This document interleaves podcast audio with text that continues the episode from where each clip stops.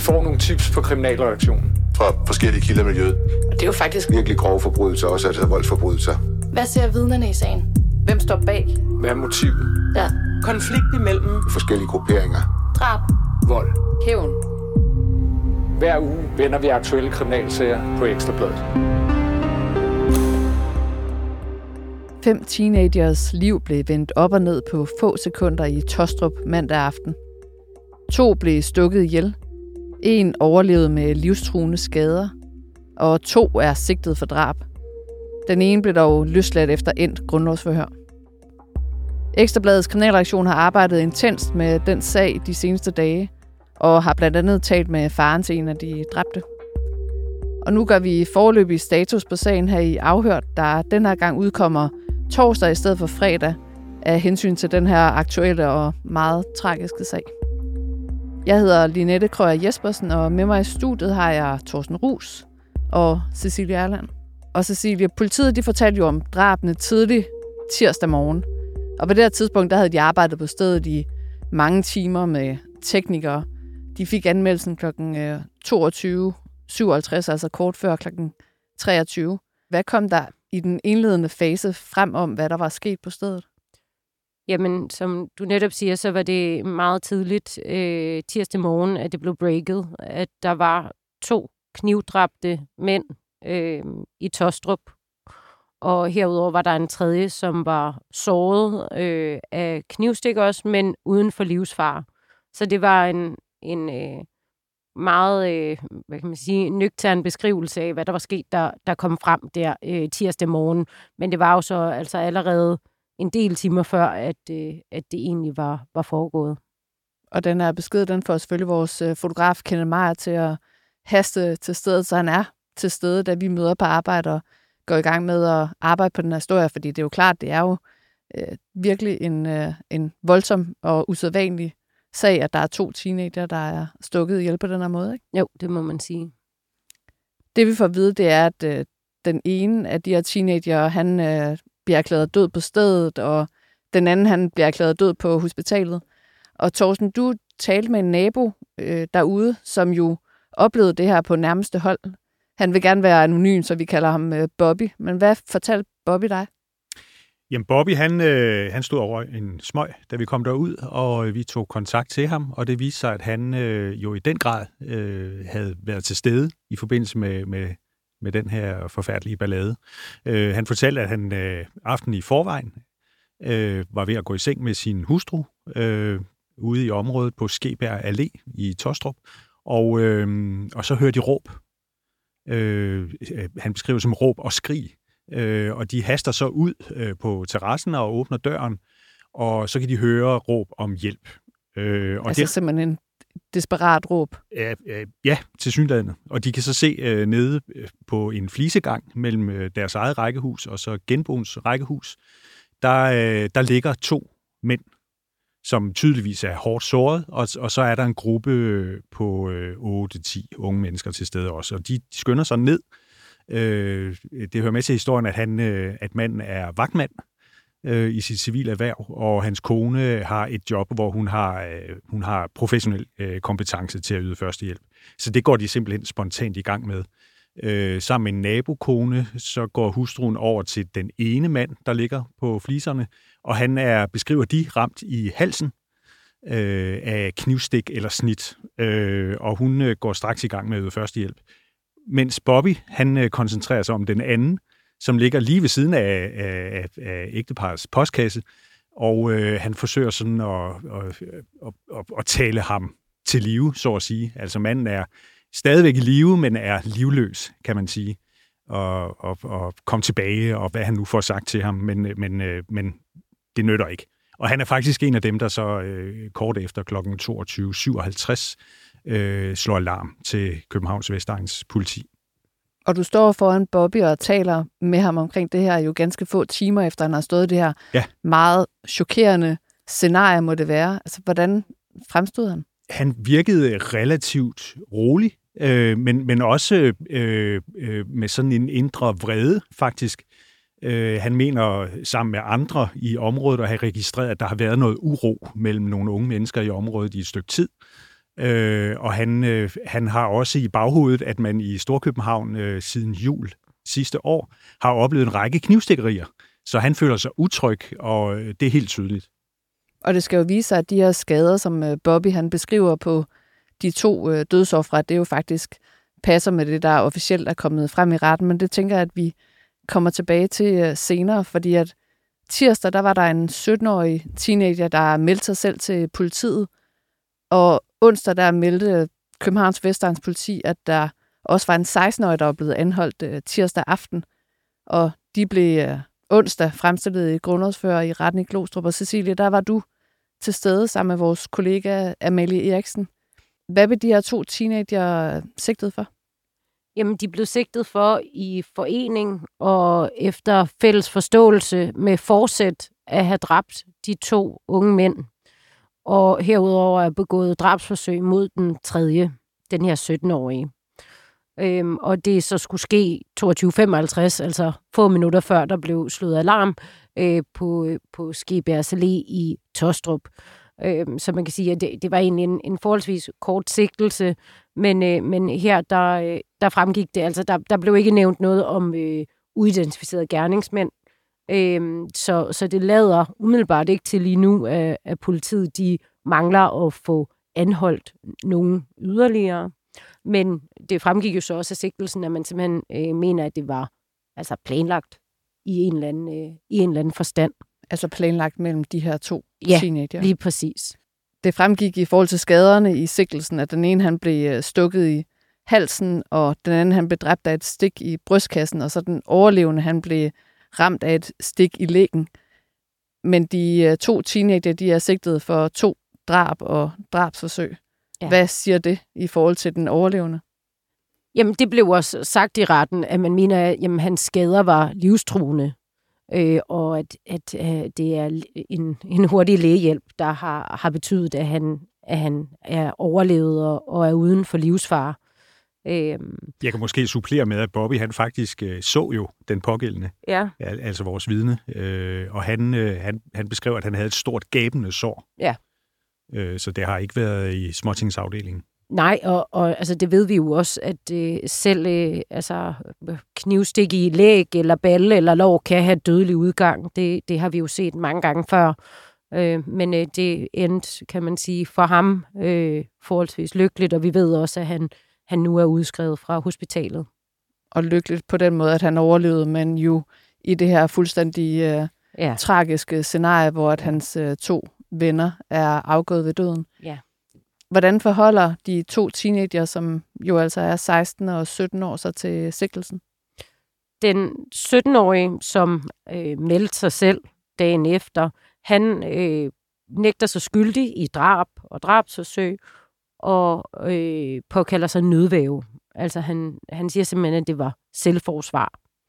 Og herudover så kender vi ikke øh, til hans forklaring. Vi ved, at han har givet en øh, forklaring til politiet, altså han er blevet afhørt, og det er også en, som i hvert fald er blevet læst op i retten, men det er jo foregået bag lukkede døre. Øh, dommeren valgte at, at lukke dørene med, med henvisning til efterforskningen. Og øh, den 16-årige, han nægtede sig skyldig, og det er jo så også, og vi ved også, at han har også afgivet forklaring, og, og han er jo så blevet øh, løsladt her for ganske kort tid siden onsdag eftermiddag. Ja, fordi det er det, der er kommet frem, at den 17-årige, han er blevet varetægtsfængslet, og den 16-årige er blevet løsladt. Ja, Men det er jo så ikke det præcis. samme som, at øh, han ikke længere er sigtet. Altså sigtelsen bliver jo opretholdt. ja, lige præcis. Nu siger du, at den 17-årige, han øh, påberåber sig nødværve. Du mm. så ham jo i retten. Altså havde han skader selv på sig? Ikke nogen, at vi kunne se, i hvert fald. Altså ikke nogen, at...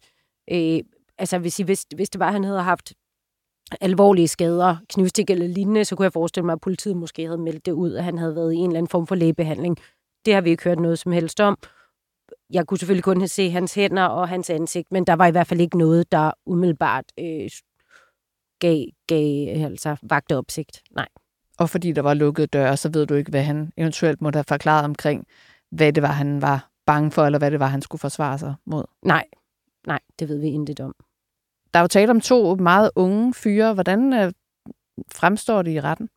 Jamen meget øh, som du, du selv siger, altså unge, spinkle, unge, lidt duen på hagen, øh, var, altså, kom ind i, i retslokalet en efter en og satte sig ned ved siden af deres forsvar og svarede stille og roligt på, øh, på da retsformanden spurgte om deres fødselsdagsdato, om de ville bekræfte, hvornår de var blevet anholdt, og så var det så deres forsvar, der, der ligesom kommunikerede, hvordan de, de forholdt sig til sigtelsen, men altså helt stille og roligt, og altså der var øh, pårørende til, til dem begge i retten, øh, og der var en, en øh, et mandlig øh, pårørende til en af dem, der sendte et, altså der foldede et hjerte af sine hænder og, og sendte videre mod øh, den ene, og altså det, var en, en meget ulykkelig stemning, der var i retten, og der, altså jeg vil sige, der var ikke nogen af dem, der så hårdkogte ud, øh, hvis man kan sige det sådan.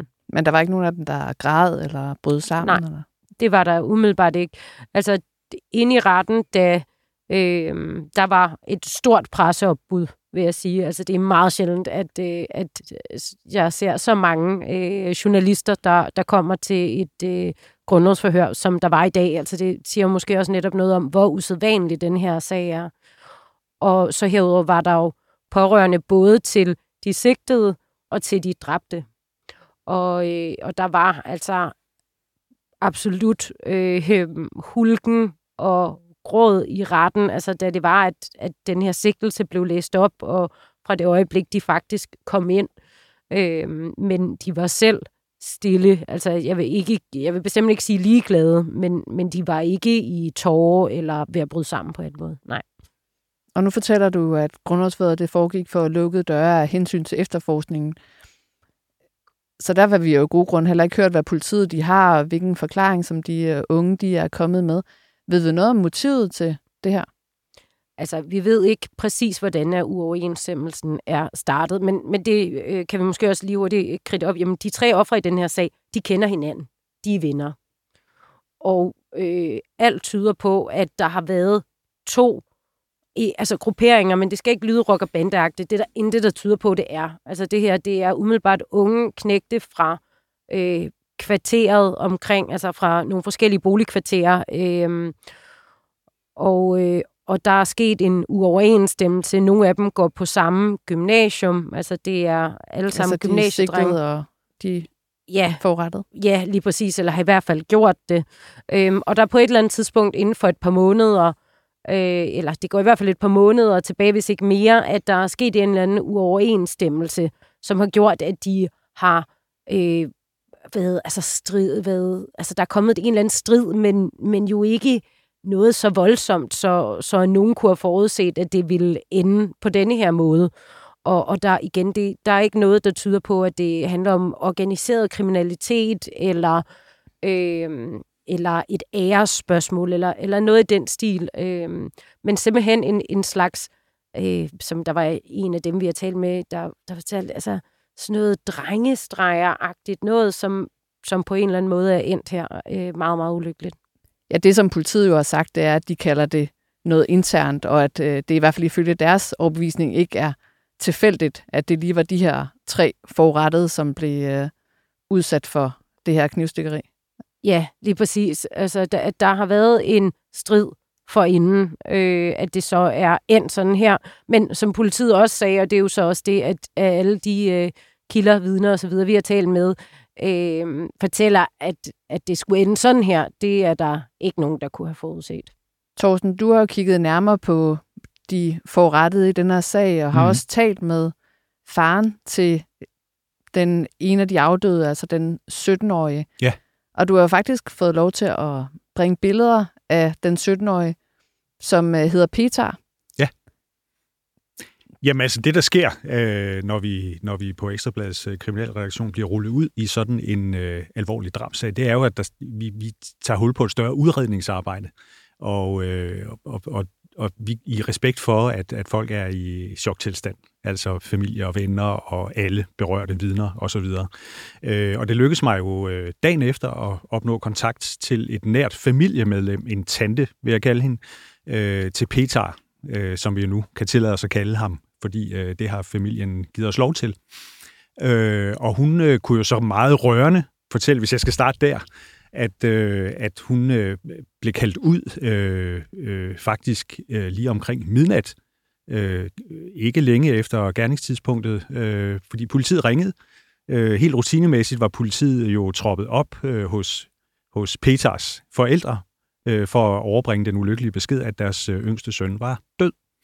Øh, og det kunne forældrene simpelthen ikke håndtere. De gik i en, øh, i en choktilstand og var faktisk, øh, som det blev skrevet, ude af stand til at tale om det.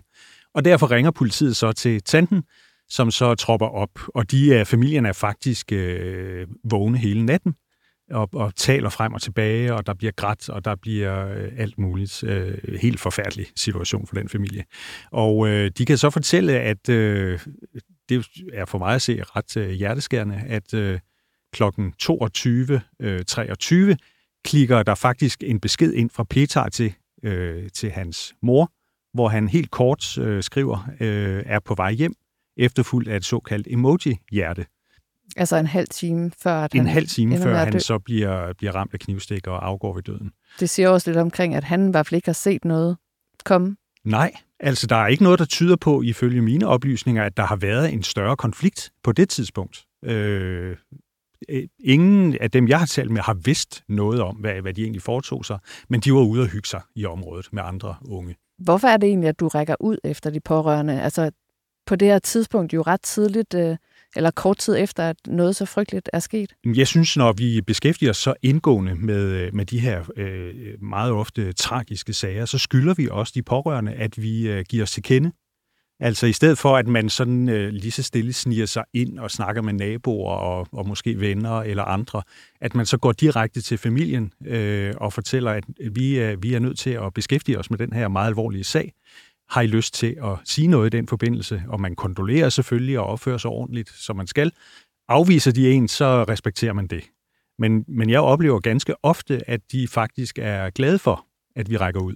At de får muligheden for at sige nej eller ja, og så indgår man jo et øh, professionelt samarbejde, vil jeg tillade mig at kalde det, øh, i respekt for hinandens øh, øh, forskellige situationer. Ikke? Og det her, det udmyndtede jo så også i, at du øh, via tanten får kontakt til øh, Peters øh, far. Altså, jeg forhører jo tanten, om man kan forestille sig, at faren ville være interesseret i på familiens vegne og, og udtale sig om sagen, og, øh, og det vender hun så tilbage med dagen efter, at det vil han gerne.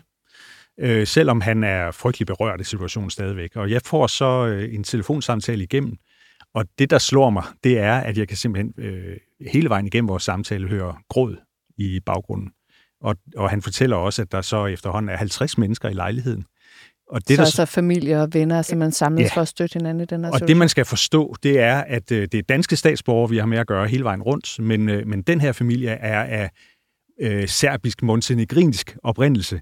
Og det ved jeg af erfaring, at der, der er et langt forløb, når der sker sådan et dødsfald her, hvor man mødes, og man kondolerer, og, og så videre. Der er en masse traditioner, der bliver holdt i hævd. Så, så der var altså fuldt hus øh, hos den her familie. Så han måtte gå lidt til og fra. Men jeg kunne mærke på, om han var også interesseret i at fortælle øh, om sin sorg og, og det her kæmpe chok, som det har været. Ja, hvad talte de om?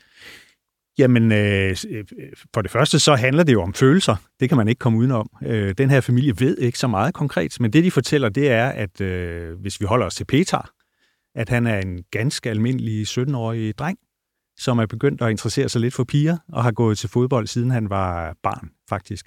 Og var meget nære venner med, øh, med den anden, nu afdøde, øh, Mm. et år ældre mand.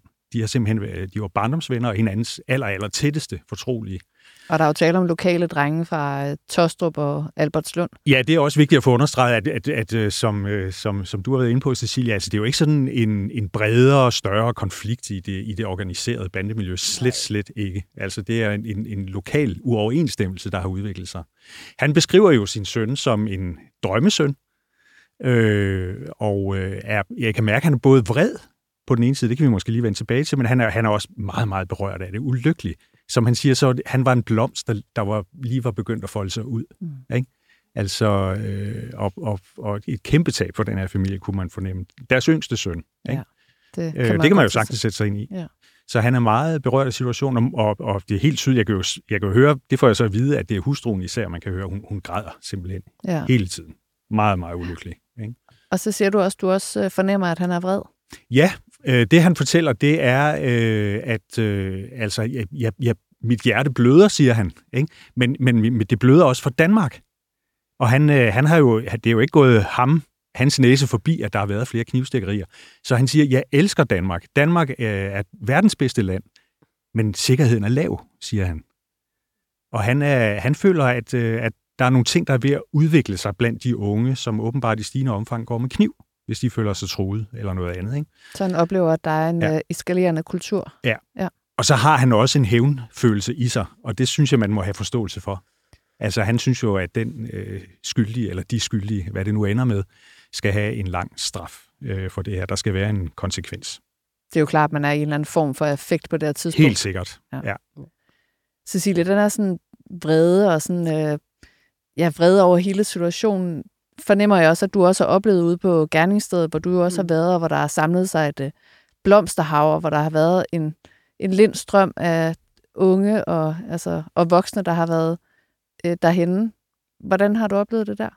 Ja, altså jeg har været ude på gerningsstedet øh, af flere omgange her i løbet af, af i dag og i går, og, og man kan sige, at blomsterhavet er jo ligesom blevet større og større, øh, og der er altså udover rigtig mange blomster, er der rigtig mange lys, små breve og andre ting, som, som øh, alle forskellige, altså pårørende, men også folk, der ikke kender dem. Altså jeg har også talt det løbende med dem, der kommer ud, altså folk, der bor i områder, altså det, det har virkelig rørt mange, og der var jo også et fakkeltog i går aftes, øh, hvor at der var omkring 200 mennesker, der var med, og, og initiativtageren til det her var sådan set ikke en, der, der kendte drengene, øh, som nu ikke længere er her. Altså, men jo netop også, som Thorsten siger, altså det er mere et, øh, sådan et, et, en kollektiv følelse af, at der er altså et eller andet, der er ved at gå helt galt her. Øhm, og nu vil jeg jo så sige, at, at som vi også har været inde på, det her, det er noget lokalt, det er for sig selv. Øhm, selvom at det kommer efter den her bølge af knivstikkerier, der har været inde i, i Storkøbenhavn, og det er altså ikke noget med det at gøre. Øh, men det her, det er altså også kun en halv kilometer cirka fra, hvor at øh, rapperen Milan Rahim, han blev øh, dræbt i, i slutningen af 21, og retssagen mod hans drabsmænd er, er sådan set i gang lige nu. Eller i hvert fald dem, der er tiltalt for det. Dem, der er naturligvis dem, der Man skylder måske også at tilføje, Cecilia, at, at jeg har også været ude i området, og, og det er ikke sådan et klassisk belastet kvarter. Der, der bor børnefamilier, der står barnevogne, hist og pist, og der er, der er sådan nogle meget fine, moderne, åbne cykelskuer, og der står fine biler i, i, i mellemklassen. Altså, det er ikke, det er ikke sådan det, det, det dybe Nørrebro øh, på den måde. Altså, ikke lige der, hvor det er sket. Nej. Men, men du skal ikke komme så langt væk, før at, at det bliver ret belastet. Øhm, og det er også, altså, men øh, igen, nu, nu har jeg jo så talt med, med forskellige derude, og der er jo nogen, som ikke kender så meget til situationen, men bare er super bekymret for, hvad er det egentlig, der foregår herude. Ikke? Øhm, og så har vi så også talt med, med venner og pårørende, som, hvor vi også har mødt nogle af de samme igen og igen, som står og kigger på, den her, på det her blomsterhav og lysene, og nogle hulker, nogle er stille i deres sorg. Det er jo meget forskelligt, hvordan folk de egentlig reagerer. Øhm, men der mødte vi også nogle pårørende til en af de dræbte derude, og vi, når vi snakker om den her vrede, altså det var også lidt, det, jeg stod derude, da øh, beskeden om, at der var endnu en anhold, der, øh, her, ham den 16-årige, at den ligesom tikkede ind, og der var bare sådan en, ja, hvad så? Altså, vi får ikke nogen tilbage, og nu ham der, men han får øh, 3-4 år, hvor han kan sidde og spille Playstation. Altså, hvad, hvad fanden kan vi bruge det til, ikke? Altså sådan en, Frustration. Frustration, vrede, magtesløshed, øh, og, og også en, altså, øh, der, der er jo, ja, ligesom familien, og så er der, er der jo så også vennerne derude, som er, er sådan nogle unge drenge, ikke? Og, og der var, blev også rettet lidt vrede øh, den vej, sådan, hvor, fordi der er jo nogle, som Thorsten forklarede, der var altså en større gruppe af mænd eller drenge til stede, da det her skete, de, en del af dem løber altså væk øh, efterfølgende. Og der var posten i hvert fald derudfra, at de ikke havde stillet sig frem og vidst, hvad de vidste. Øh, eller fortalt, hvad de vidste. Hvis man bare kan få det her billede af, at, at her omkring det her mindested, der samles folk, som kender de dræbte på forskellige måder, og, og der er en vrede, der er en modløshed, enten på områdets vegne eller på øh, de dræbtes vegne, eller de sigtedes vegne, altså bare sådan helt igennem håbløshed, fordi den her sag bare er ulykkelig, ulykkelig, ulykkelig. Men jeg vil også sige, altså nu, nu har jeg sådan fået lidt indblik i Peters familie. Mm. Altså det er, det, er, det, er, det er folk, der har styr på deres liv. Det er bestemt mm. mit indtryk. Mm. Altså, øh, en, øh, og det, det synes jeg også, man kan læse ud af billederne af Peter og hans øh, storebror. Altså det, de slår ikke mig som øh, på nogen måde i nærheden af at være øh, kriminelle. Og nu har vi talt en del om Peter, den anden afdøde og den overlevende. Ved vi mere om dem? Jamen altså, vi ved da, at de, er, de har gået på gymnasiet, eller stadigvæk gør det. Øh, og det kan man sige, det, det er der jo så mange, der gør, men de er i hvert fald inde i et forløb, hvor, hvor, der, hvor der er lys for, for enden af tunnelen, kan man sige. Øh, og, og de har øh, familier, og de har en omgangskreds, og, og, og de tre, øh, som blev ramt af knivstik, har alle sammen dyrket fodbold. En af dem, vil jeg våge at påstå, sådan til nærmelsesvis på eliteplan. Så det tyder jo ikke på, på sådan et socialt sammenbrud, øh, som jeg læser det. Mm, nej, de, de to, som jo så ikke er Peter, men den ene, øh, som desværre ikke længere er her, og den anden, som så blev ramt øh, stik i, et knivstik i lægen, de har, har jo gået på samme gymnasie, Vestgården Gymnasium, som mm. vi også har beskrevet, hvor vi har øh, fået det øh, bekræftet af rektoren fra stedet. Ikke? Så, så netop som du siger, jamen det her, det er altså ikke nogen, der sejler helt rundt uden for samfundet. Altså Nej. det her, det er jo, det er jo drenge, der er en del af vores samfund, som pludselig ender livet der en, en øh, mørk mandag aften i, i marts. Og Cecilie, det som du siger med, at øh, der var en vis frustration på gerningsstedet over, at der må være nogen, der ved noget, og nogen, der løb væk. Øh, vi kan jo konstatere, at politiet de jo i hvert fald også har opfordret folk, der ved noget, eller folk, der har set noget til at kontakte dem i den her sag. Ja, ja det, det har de, og, og det gjorde de jo så også især øh, øh, her tirsdag efter, eller formiddag, inden at, at der så begyndte at, og øh, ja, først var der jo så en, der meldte sig, og senere på aftenen, så anholdt de jo så, så en mere, men, men altså helt bestemt, hvis man har nogen som helst oplysninger, så, øh, så skal man henvende sig på 114. Og øh, hvad der er foregået i timerne op til, det, det har vi jo stadig heller ikke kortlagt. Øh, men politiet nævnte i under en kort status, de gav, hvor, hvor vi var til stede, at, at der var grund til at tro, at der havde været en eller anden episode øh, i området omkring City 2 tidligere på aftenen, som man i hvert fald ville, ville høre, om der var nogle vidner derude, der, der havde bidt mærke i. I to, I har jo begge to dækket øh, rigtig mange drabsager. Er der noget i den her sag, som gør den særlig? Ja, det synes jeg. Altså, for det første er der tale om et dobbeltdrab. Øh, øh, for det andet, så er, så er øh, der tale om helt unge mennesker, altså lige på kanten mellem være drenge og unge mænd. Øh, og, så, og så er det et miljø, som ikke sådan umiddelbart øh, tiltrækker kriminalitet på den måde. Øh, så jeg synes, øh, jeg synes, vi har at gøre med en meget usædvanlig drabsag. Jamen, altså helt enig. Altså, og, og den brutalitet, der ligger i, at tre mænd bliver stukket ned på, det her, øh, på den her gangsti i det her helt almindelige boligområde, og, og ender deres dage der, og at der er så mange omkring dem, som er øh, fuldstændig velfungerende og fuldstændig kan formulere, hvor håbløst og vanvittigt det her er.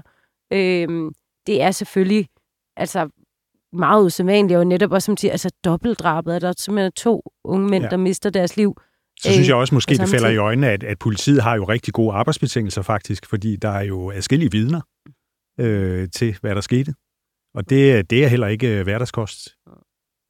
Men simpelthen en usædvanlig sag, fordi det virkelig bare overhovedet ikke lå i kortene efter, hvad vi har hørt indtil videre, at de her drenge, de skulle øh, blive udsat for det her? Slet ikke. Nej, og altså vi taler jo 16, 17, 18, øh, altså vi, vi taler om, simpelthen om mænd, der er så unge her, og det er jo, det er jo så også det samme, der gør sig gældende øh, i forhold til de knivstikkerier, som der har været her i København, men der har vi jo så efterhånden sat nogle øh, mere sådan, altså billeder op om nogle organiserede grupper og så videre.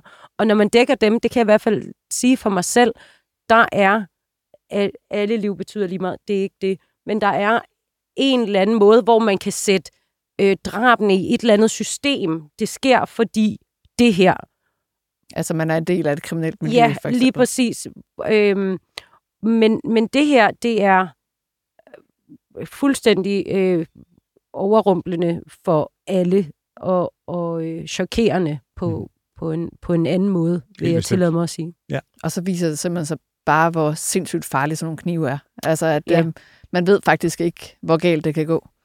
Og det synes jeg jo helt sikkert er, er noget af det, vi må, altså både på kriminalredaktionen, men måske også andre steder her i samfundet, må tage videre efter det sidste mm. halve års øh, knivstikkerier, at, at der er altså sket noget her øh, i forhold til, hvor mange der går med kniv, hvor, og det kan man jo også se, når, når politiet de, øh, laver de her visitationszoner, altså de, de, hvor mange knive, macheter og alle mulige andre stikvåben, Ja. ja. der bliver konfiskeret.